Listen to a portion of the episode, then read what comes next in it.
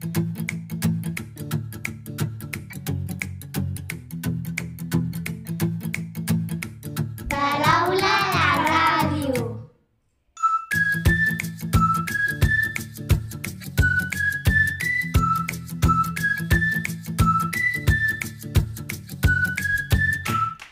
Hola a tots i a totes. Us donem la benvinguda al podcast de les ràdios de- Badruna Gràcia, on els nens i les nenes de tercer A us explicarem un munt de coses que hem après sobre el Tibidabo perquè hem fet un projecte sobre el nom de la classe.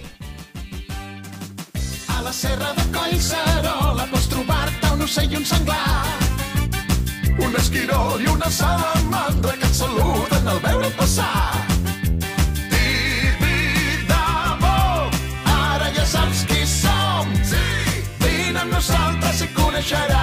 La nostra muntanya màgica. El Tibidabo és la muntanya més alta de la serra de Collserola. Fa 512 metres i es troba entre dos rius, el Llobregat i el Besòs. Tibidabo, canta amb nosaltres.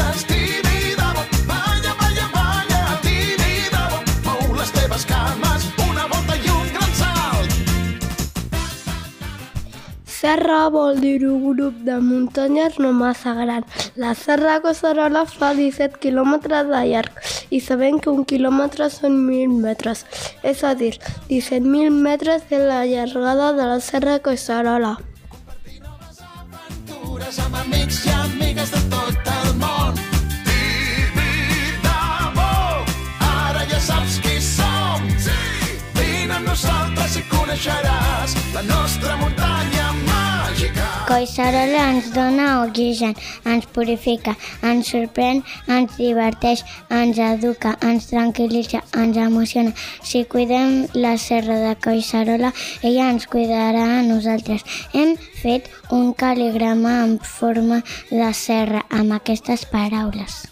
Però sempre no ha estat tan fàcil poder arribar al Tibidabo perquè la gent pogués pujar a la muntanya del Tibidabo l'any 1900 comencen a fer obres. Es va obrir l'Avinguda del Tibidabo amb cases senyorials i torres amb jardí. Una de les persones que va promoure aquestes obres va ser un farmacèutic barceloní, el doctor Andreu. Va fer unes pastilles per la tos que van ser molt famoses i també va ser l'impulsor del tramvia blau i el funicular. El doctor Andreu va viure en, en una de les cases de l'Avinguda del Tibidabo. A la plaça on arribava el tramvia blau porta el seu nom. El 1901 es va inaugurar l'Avinguda, el tramvia i el funicular. D'aquesta manera, els habitants de Barcelona podien accedir en comoditat i rapidesa al cim de la muntanya i gaudir d'unes vistes excepcionals. A dalt del cim del Tibidabo s'edifica el temple de Sagre Cor i a dalt de tot el temple hi ha la figura de Sagre Cor de Jesús que mira la ciutat de Barcelona. La muntanya del Tibidabo era un lloc ideal per construir un observatori astronòmic i van construir l'Observatori Fabra, el qual més antic del món. El 1915 s'inaugura el ferrocarril aeri, que dona pas a les grans atraccions per tenir bones vistes de la ciutat de Barcelona.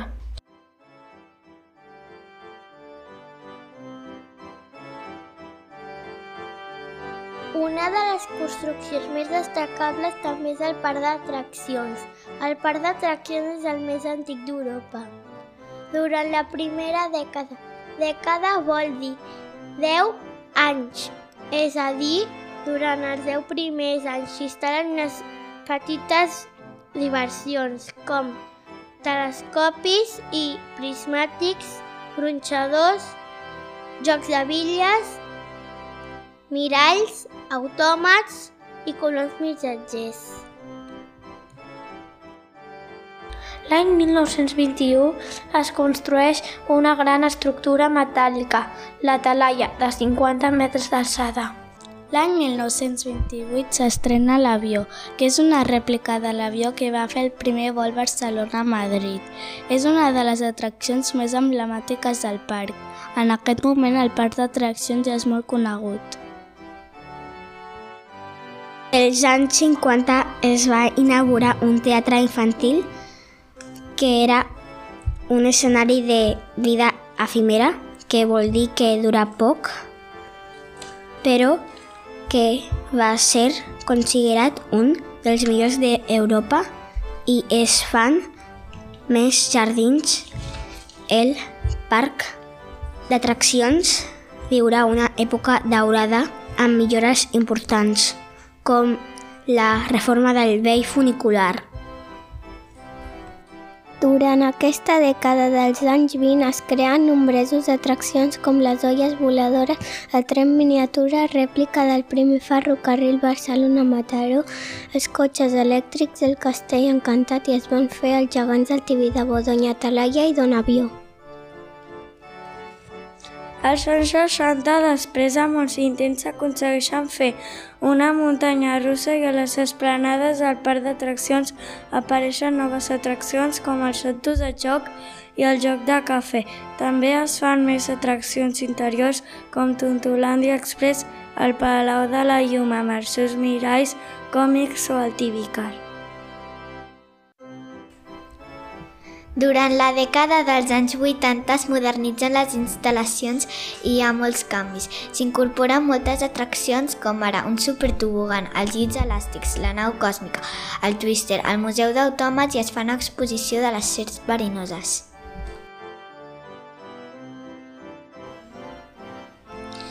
També es posa una tanca al voltant de tot el parc i es passa a cobrar l'entrada. Fan un nou Tibidabo amb el sobrenom de muntanya màgica, amb les atraccions Aladino com a atracció estrella, carrusel de dos pisos, el vaixell pirata i el Diàbolo. A finals dels 90, l'empresa pateix una crisi fins a l'any 2002. El parc passarà a ser propietari a l'Ajuntament de Barcelona, amb projectes innovadors i creatius per a tots els públics. S'obre la primera atracció de caiguda lliure a Catalunya al cinema en 4D o l'espectacular muntanya russa única a Europa. També es recupera la zona superior del parc d'atraccions com a zona de lliure accés. En aquest espai, ara anomenat àrea panoràmica, s'inclouen el recuperat monument del doctor Andreu, fundador del parc, i noves propostes d'oci, com ara un teatre infantil, tobogans o l'edifici Cel, una sala on es projecta la història del Tibidabo.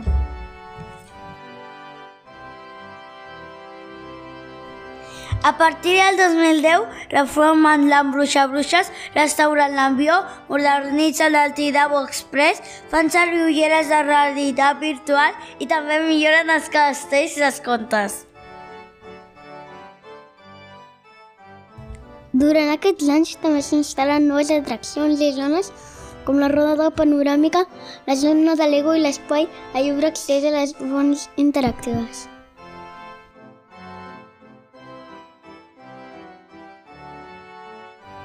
A més, a l'any 2015 neixen les noves mascotes del Tibidabo. Eren el Ti, el Viala i el Bo. Eren un ocell, una sargantana, una guineu i un porc senglar que representa l'essència, els valors del parc d'atraccions Tibidabo.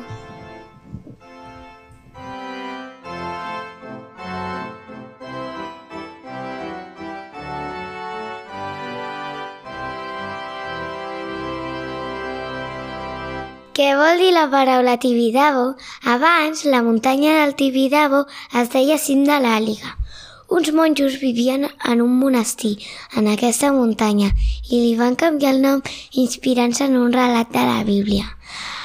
Els monjos des de dalt la muntanya veien un paisatge molt bonic i els hi va recordar el que va passar quan Jesús i el dimoni es van trobar dalt d'un cim i el dimoni li va dir a Jesús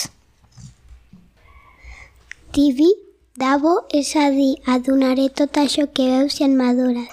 El dimoni va estar insistint, insistint perquè Jesús li fes cas, però com no ho va aconseguir, al final va marxar i a la muntanya li va quedar aquest nom. Ara ja sabeu què vol dir Tibidabo, et donaré. Ara us volem explicar el que ens ha agradat més de tot el que hem fet. Totes les nenes i nens de la classe hem anat al parc d'atraccions del Tibidabo. Vam agafar els ferrocarrils, un bus i el funicular, que es diu Cuca de Llum. Vam pujar a les atraccions emblemàtiques, com la talaia, l'avió, la nòria i el carrusel. També vam anar al Museu dels Autòmats. Va ser un dia inoblidable i fantàstic. Gràcies a tothom.